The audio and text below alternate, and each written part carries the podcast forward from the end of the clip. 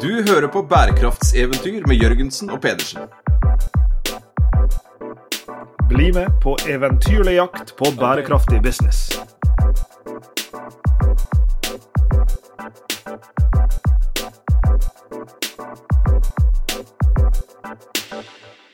Hva er det egentlig som skjer med matavfallet ditt eh, på Lillehammer, Sveinung?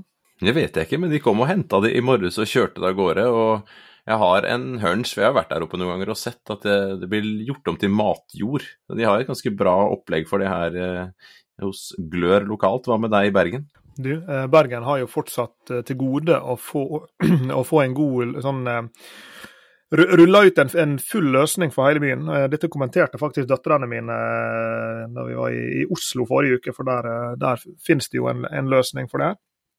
I, I, Bergen så har jo har jo vært en pilot eh, i en periode, og det skal vi nok eh, bl.a. komme inn på her. Fordi eh, dagens gjest har ganske mye med å gjøre hva som har skjedd med, med matavfall her fra byen eh, i, i, noen år. Og, og, da befinner vi oss plutselig Sveinung, med begge beina dypt planta ned i den eh, sirkulære forretningsmodellkategorien eller mønsteret eh, som en ofte kaller for value from waste, eller value of waste altså verdi, eh, eller forretningsmodeller hvor verdien eh, både for så vidt for kunden, men også for eh, altså verdiskapningspotensialet for selskapet ligger i å ta ting som vi pleide å tenke på som avfall, og lage nye ressurser av dem. Og vi har jo fulgt selskapet som, som dagens gjest representerer lenge. altså Helt fra omtrent serviett stadiet. Eh, og, og, gjesten som jeg snakker om, eh, det er Alexander Solstad Ringheim, som er gründeren bak Invertapro, som holder til på vakre Voss. Og du og jeg, Sveinung, har vært på eh, Invertapro sine lokaler og inspisert det som en finner der inne. På det tidspunktet var det millioner av larver, og det skal vel forhåpentligvis på et tidspunkt bli milliarder av larver.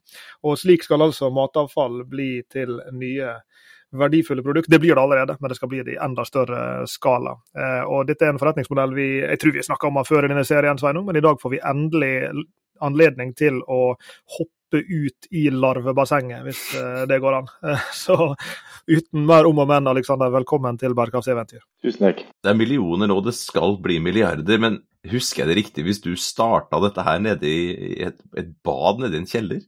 I en skuff? Ja, det, det ble faktisk, var faktisk litt før der òg. Så da, da starta faktisk eh, hadde, Jeg jobba i, i, Tanzania med bønder. Og økonomisk optimering av gardsmodeller. Så jeg jobber med, med, med, med, mais og med storfe. Og da begynte jeg å lese om dette her i Tanzania, og at det, dette var fantastisk. Så i lag med en kollega fra Tanzania som heter Sabron, da eh, satte vi opp en liten sånn testfasilitet på, på eh, hjemme hos han, eh, og drev på der et år. Eh, før jeg eh, var ferdig med den kontrakten og, og kom hjem igjen. Og da var det på badet. Hadde du familie på den tiden der? Ikke familie, eh, men hadde jo, hadde jo masse larver. Hvem er ensom da? Men uh, du må ha hatt ganske Enten så må du ha vært aleine, tenker jeg, eller så må du ha hatt litt sånn tålmodige folk rundt deg. Hvis du starta da nedi en skuff på et bad Jeg skulle likt å sett det her i huset, hvis jeg liksom bare hadde du. Forresten, jeg har en, en, en skuff nede hvor jeg driver og eksperimenterer med noen noe biller så du legger noe, no, noen egg og skal bli til eh, larver. Jeg lurer på hvor lenge jeg hadde fått lov til å bo her. Har, har, har tålmodige familie og venner rundt meg, og det, det, jeg tror de stusser litt. Men um men de, de, de, de holdt tunga si, så da eh, Og bare lot meg styre, styre på.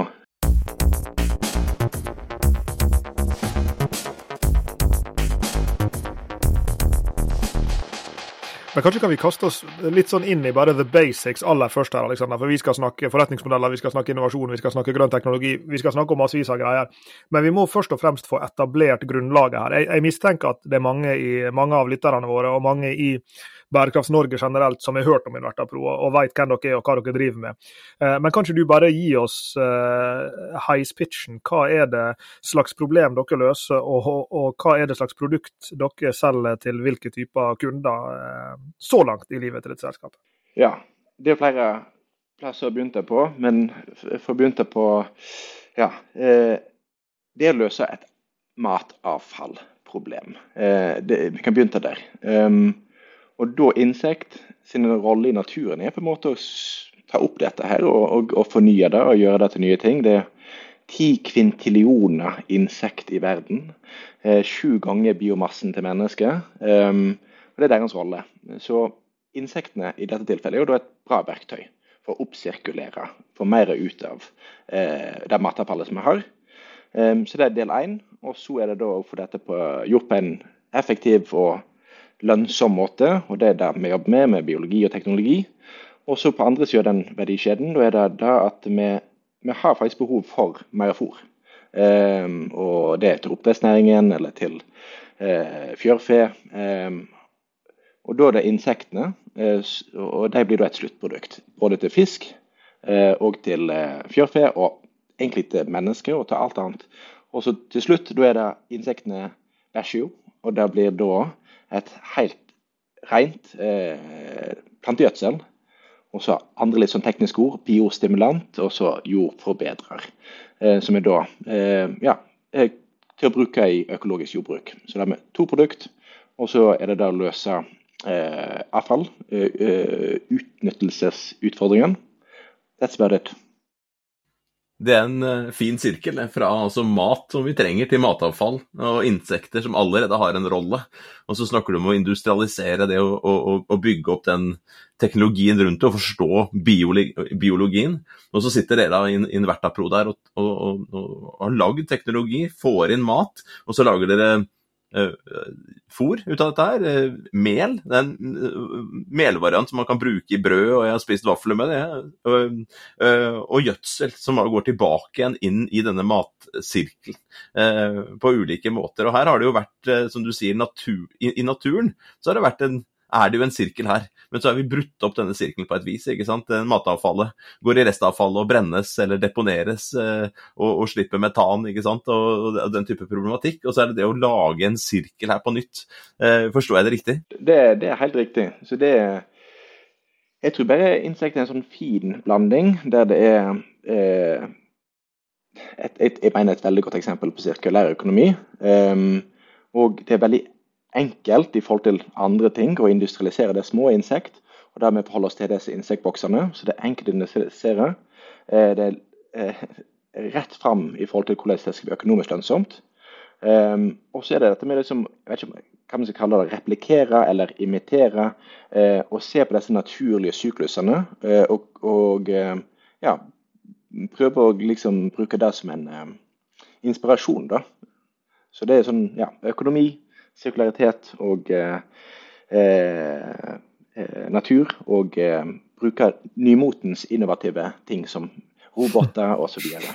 så brukte du ordet oppsirkulering, Alexander, og det er jo et, et, et sentralt ord i, i sirkulærøkonomispråket, om du vil, eh, knytta til det å ta noe som, som har ja, nåværende tidspunkt har lav verdi, eh, f.eks. matavfall. Det, det, er jo i og for seg bare et problem der det ligger. Du kan si at dette kunne vi ha spist, men det gjorde ikke vi, og nå ligger det der, og det er matavfall.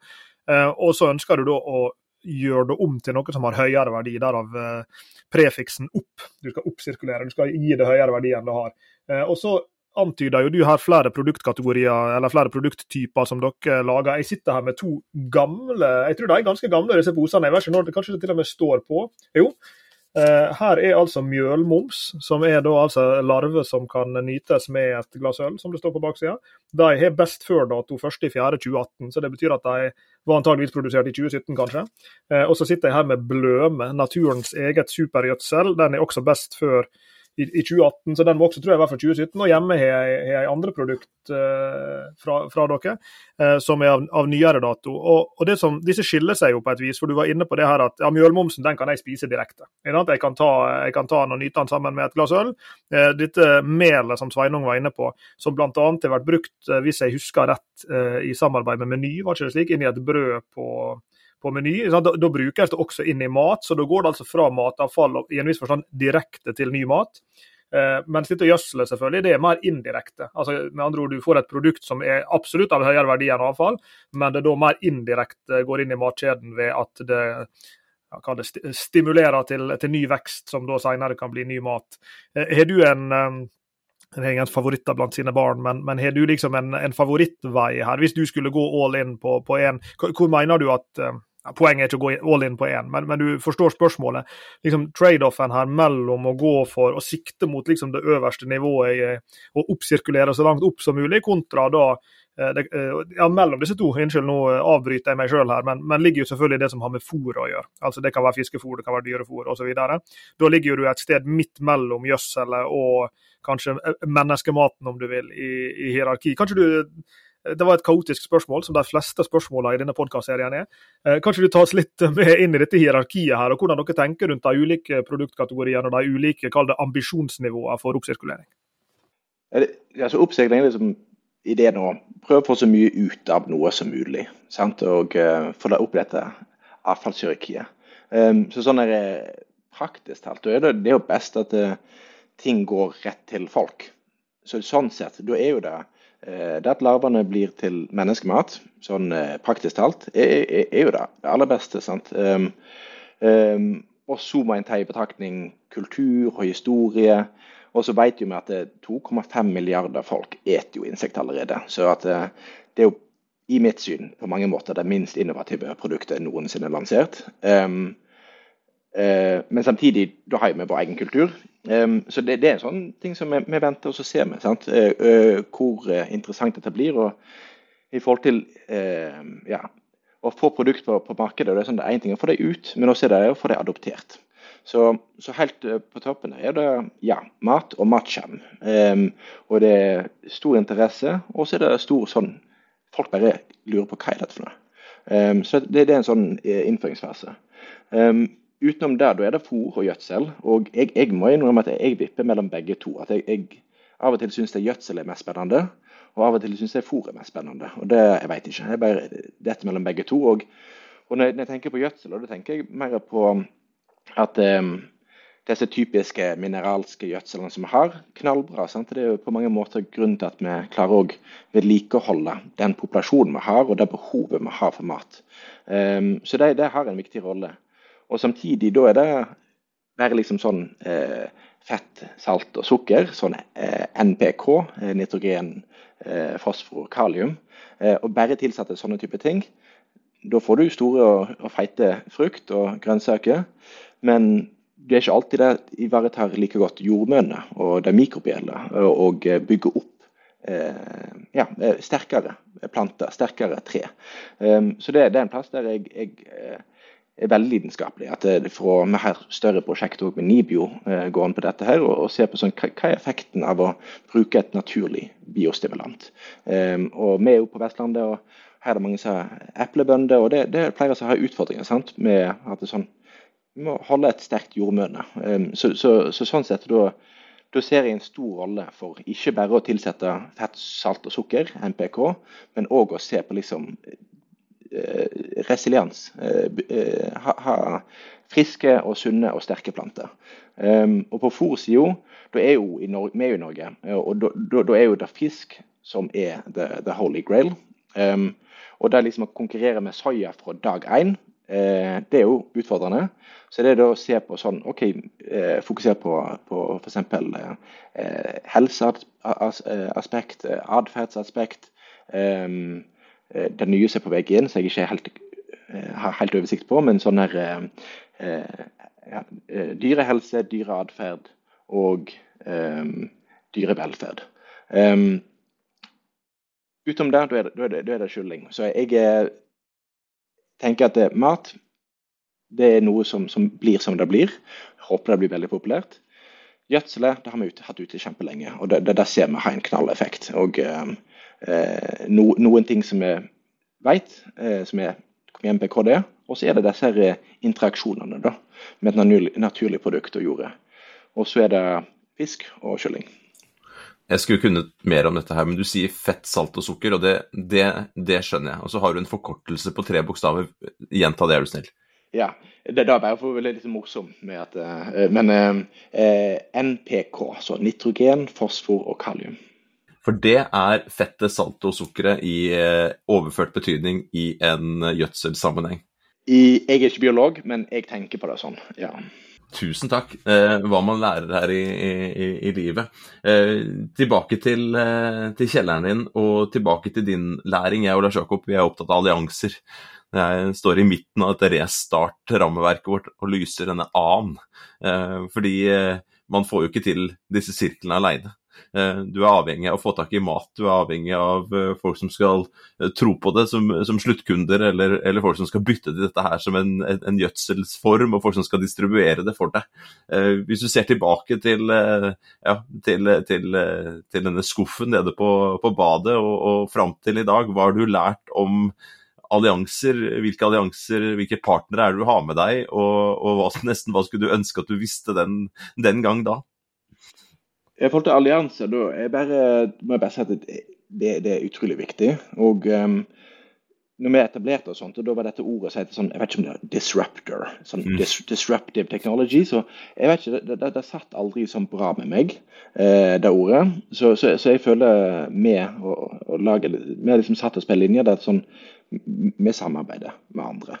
At det, at det er måten en går fram på. og så Eh, ta litt læring f.eks. akvakultur og sånt. Sånn, hvordan gjorde de det? Hvordan fikk de dette til å bli en suksess? Og Det var ikke med å knivstikke hverandre, men med å liksom se, se, på hvordan eh, de kunne jobbe i lag. Og I forhold til de partene vi har, da har vi vært heldige. Vi har hatt eh, gode, langsiktige, tenkende industrielle og andre typer partnere, som, som BIR i Bergen, som, som ser på det sånn hvordan får vi mest nytte ut av det avfallet vi har. og Det er liksom det eh, miljømessige aspektet der. Men så er det det økonomiske. sant? Når du får ting opp i den verdipyramiden, da er det òg poenget at du skal skape mer verdi, sant? som er da penger til sjuende og sist. Eh, andre aktører, eh, som Norgesgruppen som har kommet inn, de, de, så sånn Oi, de kan ta faktisk imot eh, grønnsakene og, og, frukten vår eh, og gjøre det om til noe nytt og spennende. Um, og, og, De syns jo at dette var spennende, for dette var noe som de fikk eh, tilbakemelding på sine kunder. At vi har lyst til at dere skal eh, ha mye fokus på matsvinn. Eh, og så Utenom det, da er det, jeg kan gå, Vi har hatt 14 forskningsprosjekt, vi har hatt 140 master- og bachelorstudenter på 16 mindre prosjekt, og eh, ufattelig med støtte eh, fra overalt. Um, så det, ja, der kan jeg snakke lenge Check it out.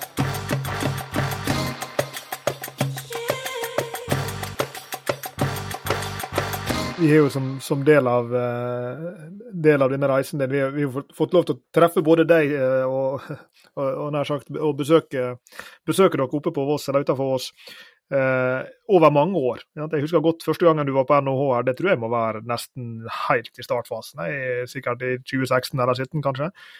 Uh, og nå Senest var, vi, var jeg og Sveinung oppe på besøk uh, hos dere og, og, fikk se produksjonslokaler. Og dette er jo litt sånn Bare for å gi folk en liten feeling av, av dette. her, så du, du, kommer inn i en diger lagerhall hvor det står stabla opp i høye stativ.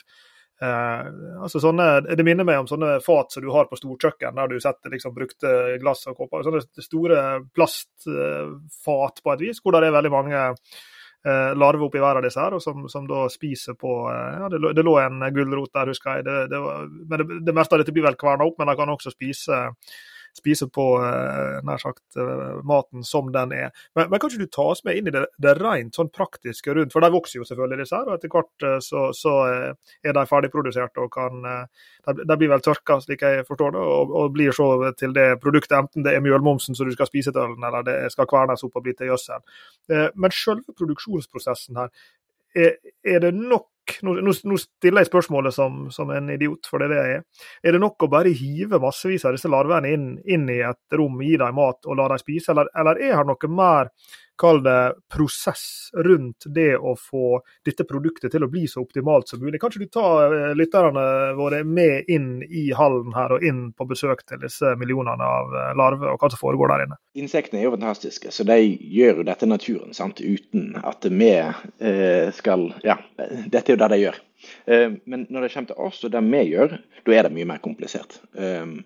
Eh, og Da blir det at det, det kommer en matbil som kommer fra, eller en uh, trailer som kommer fra BIR eh, vekentlig, Og så leverer de en stor IBC med grønnsakene og frukten og de uh, overskuddssidestrømmene som var den uka. Um, det var et femårsprosjekt um, før det ble godkjent. Jeg tror det er første i Europa uh, som har dette modellen der avfallsselskapet er nå godkjent som fòrselskap. Mm. Um, um, og da er det daglig mating av disse larvene. Det blir gjort med robot eh, og andre system som er utvikla sjøl eller i lag med partnere. Eh, og Da mates det gjennom livssyklusen fra det er egg til det er larver. Larvene høstes, og så, at, og så lar vi et par prosent av de larvene gå videre til å bli en puppe. Og den puppen blir til et bilde. Og da vedlikeholder vi hele populasjonen på ca. 3% Så det er ganske fantastisk. Vi har aldri tatt inn nye insekt, vi har bare bygd dem. Um, og så er det mating og mating og holde klimarommet til det optimale. Um, og så kommer dagen for høsting, og da har vi helt selvutvikla høstemaskin. Og da går eh, gjødselet i én retning, store larver én, små larver én, eventuelt ueten mat. og Det er om å lage en rema, halv Rema-pose per palle. Så det er sånn ja, 0,001. Alt annet er da produkt. Enten er det gjødsel, eller så er det larve. Um, og så går disse larvene ut av det lokalet og inn i et nytt lokale. Um, for da uh, tilberedning og tørking, og eventuelt selges det hele eller kverne. Eller som olje, eller som andre fraksjoner. Um, og den syklusen går da hver dag.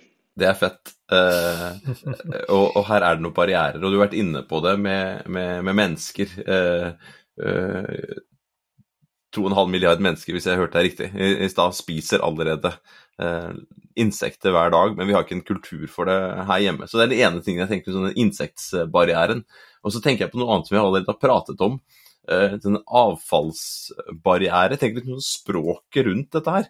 Uh, for når du sitter og forteller om dette her, så kunne man jo ha byttet ut insektene her med laks, det kunne vært kylling, det, det, det kunne vært andre dyr da, som, vi, som vi spiser.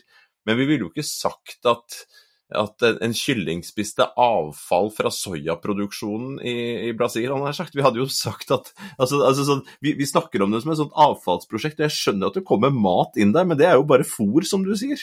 Eh, eh, hvordan, hvordan, opplever du den, der, den tilknytninga til, eh, til, avfallet i den sirkulære forretningsmodellen? kunne dere fått lov til bare vært insektprodusenter som tilfeldigvis spiste ja, grønnsaker og, og, og, og, annen type mat da, som, som, var der? Skjønner, skjønner, du hvor jeg vil hen? Ja, det, det, det, er liksom sånn hvordan vi definerer ting. sant? Og Det er derfor vi har brukt fem år. sant? Dette, dette skal ved godkjent og av en kvalitet som alltid er lik. Som er, innfrir alle krav. Um, og avfall er et veldig enkelt ord. Sånn, så Det er, sånn, ikke, det er så mange ord. Sidestrømmer og bla, bla, bla. Um, men det handler jo bare om at sånn, å, ha, å, bygge opp gode system for å kunne ta ut de rette fraksjonene. I dag er det da næringsmidler, eh, sidestrømmer, eh, avfall, som er lov å brukes. Og så framover, da har vi prosjekt på husholdningsavfall. Vi har nå et, et, prosjekt som går på andre fraksjoner, sånn som eh, tror, jo, eh, for skogbruk og treflis og gras og eh, så, masse andre store fraksjoner. Eh, det er noen andre som ser på slam fra, fra fiskeindustrien. Og dette er jo sånne ting som jeg må da dokumentere. Det, det, det, tar tid.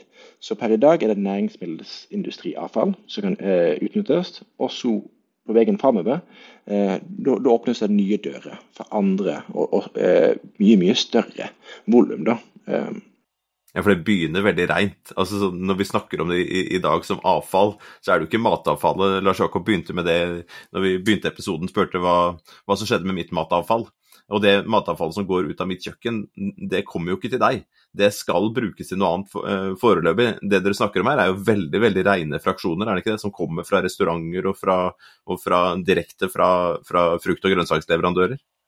Det er det i dag. Og, og da, da, blir det sånn veien blir til etter som en uh, går an. Og, um, og, vår jobb da er jo, så godt vi kan gjøre det, er bare å validere, teste, forske tungmetaller, hva, hva, hva, potensielle problem kan oppstå ved utnyttelse av andre fraksjoner.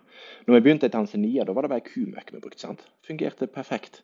Men det er ikke det som er viktig. Det som er viktig er at eh, Hvis vi skal begynne å utnytte andre fraksjoner, da skal det gjøres på rett måte. Og Der er vi litt tilbake til den litt steg for steg-tilnærmingen.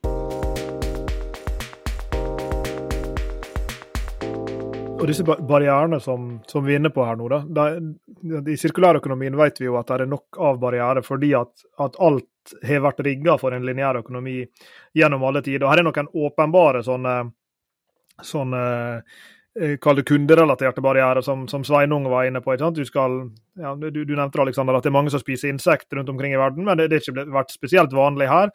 Eh, vi har smakt de nydelige eh, vaflene oppe hos dere som, uh, som, jeg ikke rynker på nesen av i det hele tatt. Jeg vet du har nevnt taco uh, tidligere, jeg ser ingen grunn til at ikke liksom, i en tacodeig at en skal kunne ha dette uten at folk skulle, skulle Eh, nær sagt legge merke til det engang. men selvfølgelig vet vi at disse, disse typene barrierer finnes på kundesida. Eh, du var innom noe som, som, jeg kan levende forestille meg har vært viktige barrierer, nemlig alt det som handler om det regulatoriske. Jeg mener å huske og hørt, og kanskje er det til og med du som har sagt det, at her har vært reguleringer som er slik at i det øyeblikket noe er innom et avfallsselskap, så blir det omdefinert til avfall, og, og kan dermed ikke gå inn igjen til, til uh, matkjeden, og at dere måtte omgå det problemet. Da kan jeg gjengi det litt feil, men du, du, kan nok fortelle bedre om det enn en meg. Uh, og jeg er sikker på at det også er andre typer både altså, regulatorisk, uh, juridisk barriere. Liksom, hva, hva, er de største kampene dere har vært nødt til å kjempe for å få denne forretningsmodellen til å kunne være en, en farbar vei å, å løpe ned? På det regulatoriske, da da brukte vi nesten hele det første året med bare å bygge opp en sak for hvorfor vi skulle få lov å jobbe med insekter i Norge. For På den tida var det ikke sånn. Da var det verken fugl eller fisk. Og da var det et helt år bare med liksom OK, kan vi gjøre dette? Um, og så var det tillatelse som kom ut til uh, å kunne bruke til fisk. Kunne bruke til svin, kunne bruke til kylling. Det har kommet litt etter litt. Få lov å bruke som mat. Um, så der vi ser at det er Eh, en reell interesse fra eh, myndighetene da, til å faktisk hjelpe. Men det er masse arbeid som skal til her. Og vi har jo egentlig lyst til å ha fokus på det er mer enn vanskelig nok å, å, å, utvikle rett biologi og teknologi, og tilpasse produkt og utvikle produkt og lansere dem. Det, det, det skal egentlig være vår jobb. Um, men vi har, eh, i alle fall i de initielle fasene, måttet bruke mye tid opp mot uh, disse myndighetene. Um, så, så, det er denne viljen til å gjøre det, men òg eh, kanskje da at vi må òg eh, liksom Jeg vet ikke hvordan jeg skal si dette, men eh, ja, vi må si at det, hvor mye ressurser kreves da eh, reelt for å få dette til innenfor en rimelig tidshorisont, uten at eh, f.eks. Inverterpro skal jobbe altfor mye med dette. Og så må vi jo eh, snakke om F-ordet, forretningsmodell. Fordi vi har jo, vi har jo liksom ikke gått rundt grøten, det er vi absolutt ikke, for vi har jo nettopp snakka om selve grøten. At vi snakker om produkter, vi snakker om produksjonsprosessene, vi snakker om barrierene, de regulatoriske rammebetingelsene og, alle disse hekkene som en må hoppe over for å komme seg inn til det forjettede land. Eh, men er det én ting alle gründere vet, så er det at det å få en forretningsmodell til å fly, det er jo kanskje den vondeste delen av, eh, av hele jobben. Og jeg mistenker jo Alexander, at en del av grunnen til at, uh, som Sveinung var inne på i stad, vi snakka om veien fra millioner av larver til milliarder av larver her, det handler om at i alle fall noen av de produktmarkedene dere har valgt å gå for, fiskefôr til oppdrettsnæringa slår meg som en spesielt uh, treffende en, baserer seg på, på volum, ikke bare i betydninga, for det er en viktig forretningsmodellmessig greie at volum er nødvendig for å, for, for å få nok eh, lønnsomhet. Du må, du må, ha store kvanta for at det skal lønne seg, men også rett og slett for å i det hele tatt bli, bli vurdert som leverandør. Du, du, du, kommer ikke inn som leverandør til uh, Movi eller Lerøy med å selge 13 kilo uh, fiskefôr i måneden. De, de, krever enorme kvanta. Kanskje du tar oss litt med inn i eh, og Da begynte jeg fra et bestemt sted her. Da. Det er mange måter å komme oss inn i forretningsmodellsamtalen på. Men, men uh, hvis vi skal dra oss litt inn i hvordan disse forretningsmodellene ser ut, og hva, hva er liksom nøkkelpunkter dere må lykkes med for å kunne ta et jafs av disse markedene dere prøver å konkurrere i? Ja, da, tenker jeg sånn, Det, det korte svaret blir eh, å bare eh, innstille seg på at en skal til rett marked til rett tid.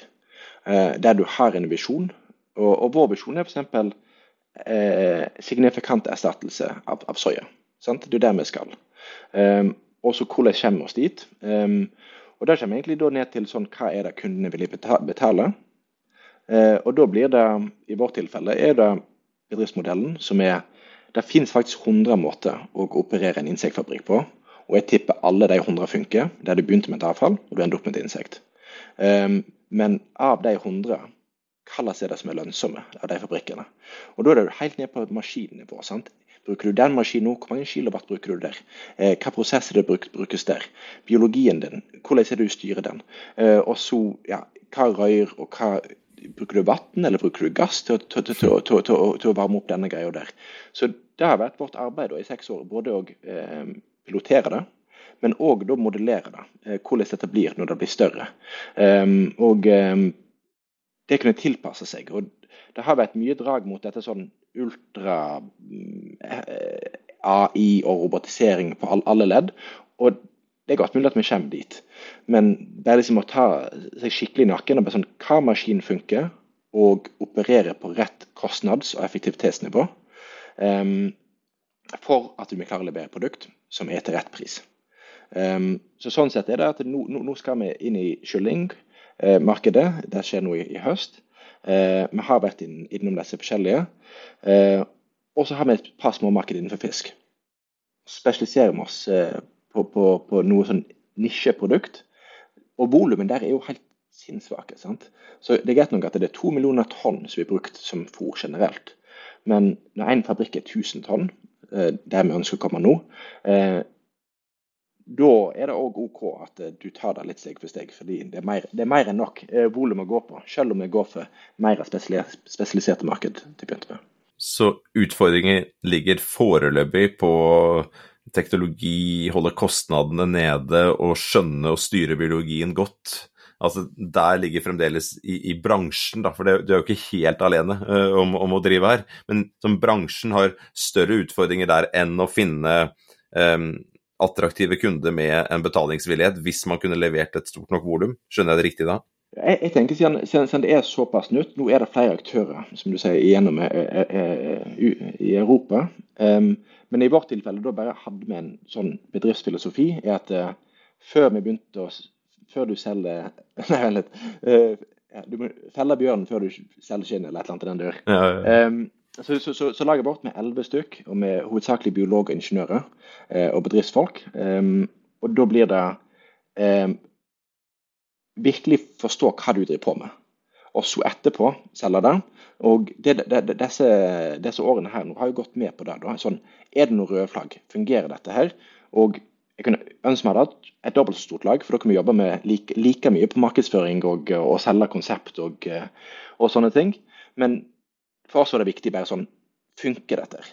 Biologisk, teknologisk. Og der er vi nå. Dette, vi har brukt de 20 000 operasjonstimene på å eh, egentlig begå alle ting som er rett, og begå alle feil. Og se sånn, Er det noe som bare sier, tilsier denne, dette fungerer rett og slett ikke? Og Mitt svar i alle fall er at eh, dette fungerer, eh, og dette er på vei, og vi har en løsning. Så nå, fokuset vårt nå framover går på skalering markedsføring, implementering og få produktene til å, eh, til å fly.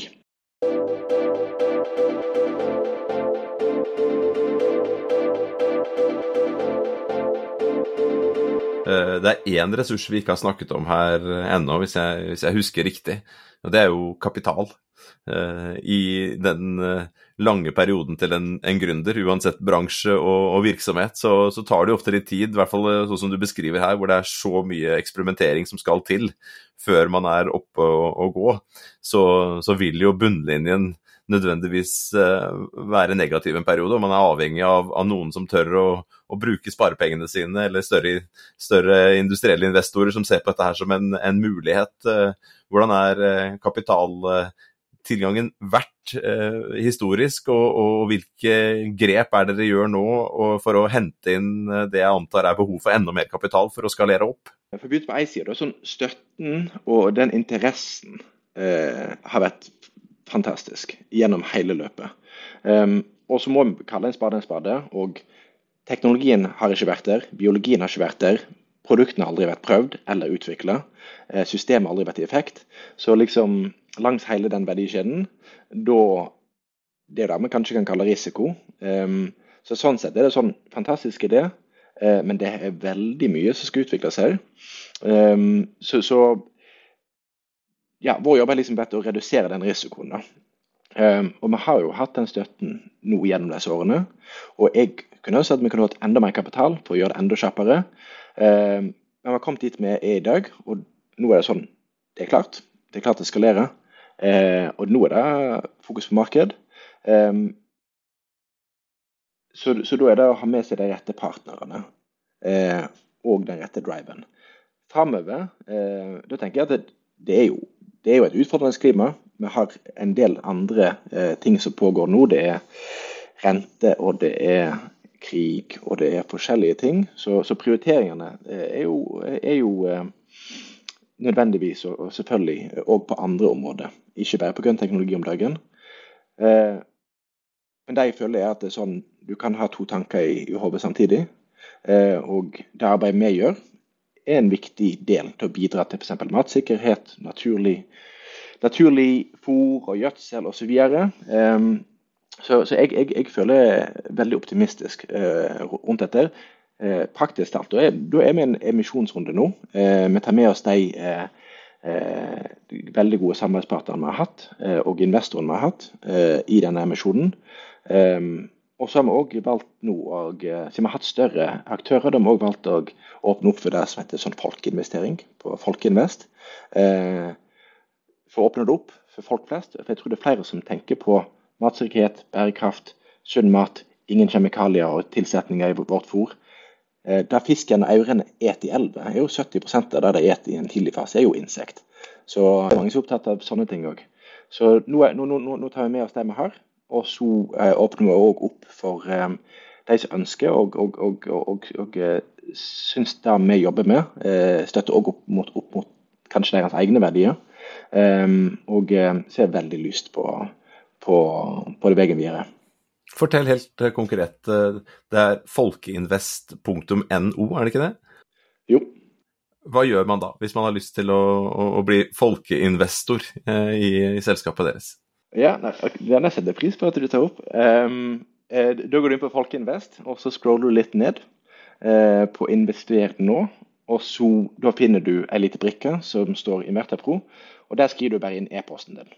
Eh, det er ingen binding, bindende, det er ikke noe som er bindende der. Um, og da når vi åpner opp, og det er om ei uke og to, um, da får du da tilgang til alt av vår due diligence, alle dokumentene, alle bedriftsplanene våre, hvordan vi ønsker å gå fram. Uh, og, så er det da opp til hver enkelt å vurdere om de syns det høres spennende ut og uh, bra ut. Og så er det egentlig bare å investere fra 1000 kroner opp til ja, så mange millioner som du skulle likt å, å shippe inn. Nå er jeg inne på, på, på nettsiden og har, har, gjort det. og Da kommer jeg altså videre til envertapro.com. På terskelen til kommersiell produksjon står det med en fet uh, robot bak der, og så en kar i, uh, som heter Alexander, i, uh, i en lekker felleskjøpsdress. Lars Jakob tok jo inn i fabrikken i stad, denne lagerhallen. Og inni der igjen så er det jo telt, hvis jeg husker det riktig. Et varmt og godt telt. Og ut av dette her teltet så, så gikk denne roboten. Henta ett og ett brett og, og satte den opp i, en sånn matestasjon. Og så husker jeg det var sånn der fin sånn derre sånn, sånn, Altså den maten som, som, vi da også kaller avfall, og det er helt greit, som da blir prosessert, og så, og så ble den gitt ut i en sånn fin sånn blanding som ble spredt utover. Og så tok den der roboten og, og henta brettet og kjørte tilbake inn i, inn i, teltet. Eh, når dere skal gå nå fra ett telt og noen millioner til flere sånne varme telt med flere sånne produksjonslokaler. Eh, hvor mange flere sånne maskiner er det du trenger? Kan man bruke disse robotene igjen? Eh, altså, har den kapasitet til å, til, å, til å betjene flere av disse varme teltene? Piloten meningen der, liksom, meningen der er jo som regel at du skal validere tilnærmingen din. Eh, og så har vi da prøvd så godt vi kan å ta inn teknologier som kan eh, tas med når vi skal oppskalere inn i et større lokale. Så veldig mye av det kan så når det kan være der, vil bli tatt med. Um, men så har vi lært mye underveis òg. Så i nå 18 måneder, nå er vi på versjon 34 uh, av den fabrikken som skal bygges. At den første hadde sikkert fungert. Men det, det, handler om disse smådetaljene. Um, så da vil vi inkorporere veldig mye av det som jeg har eh, erfart og lært av den piloten, eh, inn, i, inn, i, fabrikken. Med nye ting eh, som jeg har både utvikla sjøl og, og, igjen som jeg har utvikla med andre. og Da var det en kombinasjon av roboter og noe som heter D-stackers og mange system. Og Her jobber vi med fem eller seks forskjellige ingeniørselskap rundt omkring i Europa. Og Det ene sånn store sånn strategiske endringen vi har gjort, er at vi har vært litt rundt omkring i verden det siste året og sett på andre fabrikker, og så uh, Det jeg sitter igjen med, er keep it simple, stupid. At uh, alle vil liksom ha sånn Dette er den mest avanserte av et eller annet eller et eller annet slag. Men og så spør jeg seg, ja, men den maskinen koster jo 10 millioner. Du kunne gjort, du kunne gjort det samme på 1 million. Um, så, så, så, jeg tror det, den store endringen over det siste året er at det er sånn, eh, ta en fot i bakken. og ja, det kan være litt mer effektivt hvis du har den ultrafantastiske maskinen der og der, men vi skal få produktet til å funke, og det skal være til rett pris. Og det er vår jobb. Um, så ja, kombinasjonen av arbeid vi gjør sjøl, med partnerne våre, ut og se hva som skjer. Ikke jobbe inn i en silo og tro at du sjøl kan alt. Eh, det er veldig, kanskje den største leksa eh, som en får. Sånn, ja, vi er eksperter på dette her, men eh, det betyr ikke at vi kan alt. Så å lære av andre, rett og slett.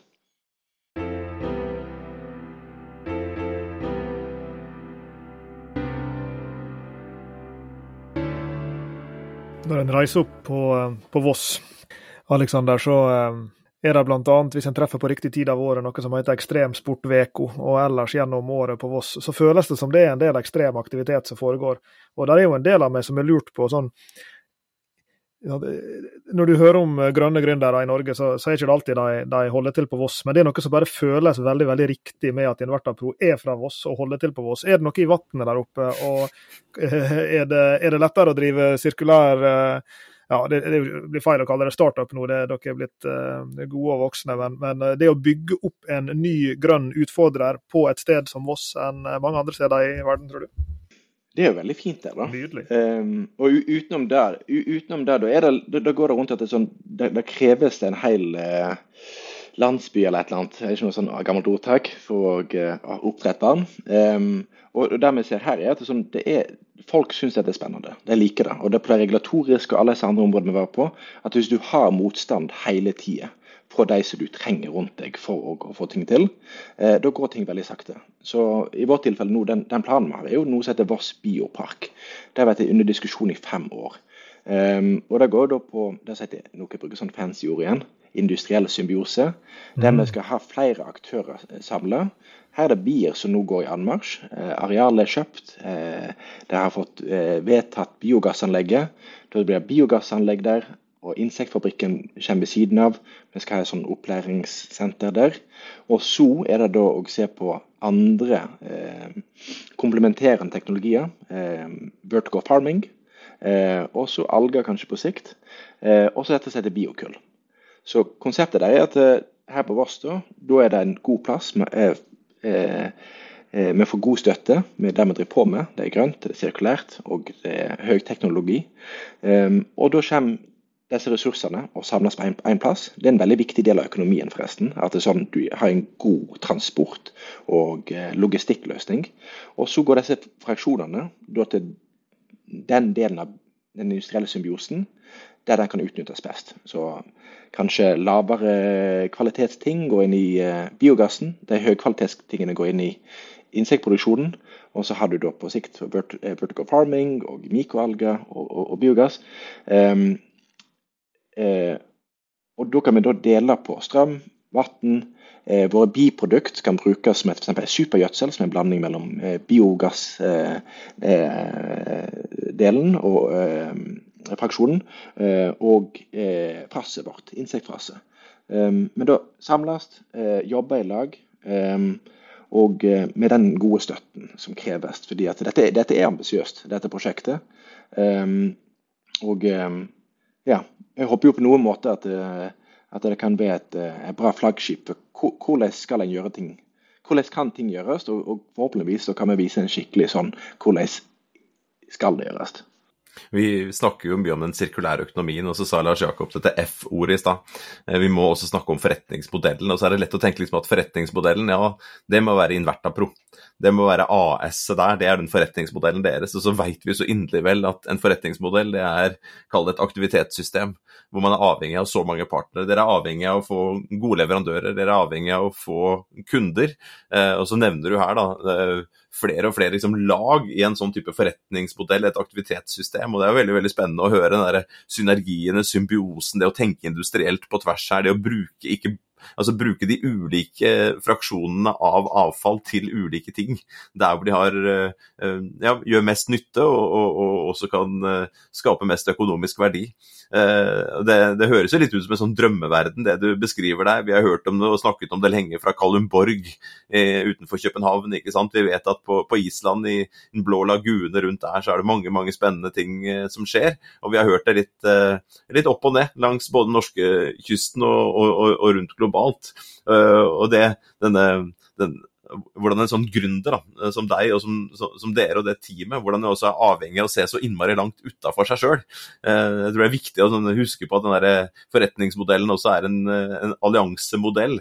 Eh, vel så mye som en forretningsmodell. og Det er jo spennende å høre på denne reisen som du beskriver fra Tanzania til, til badet, til en sånn type pilot, og alle de Eh, samarbeidspartnerne dere har, både på den finansielle siden for å få softfunding og støtte på den måten, og gå ut i et investormarked, jobbe med industrielle partnere. Eh, det er, en, eh, en framifrå-case, dette Du, du har lov til å være litt stolt òg, har du ikke det, Aleksander? Jeg er utrolig stolt av det er vårt lag.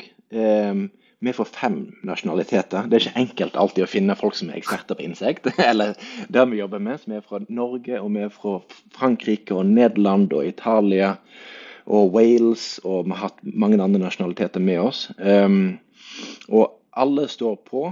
Um, det er jeg utrolig stolt av. Sist uke var jeg tilfeldigvis ned for første gang på Vill Vitesenter i Bergen. Det er sånn eh, vitenskapssenter eh, for, for, barn. og eh, da var jeg på et annet møte og så bare hørte jeg at vi hadde en um, utstilling der.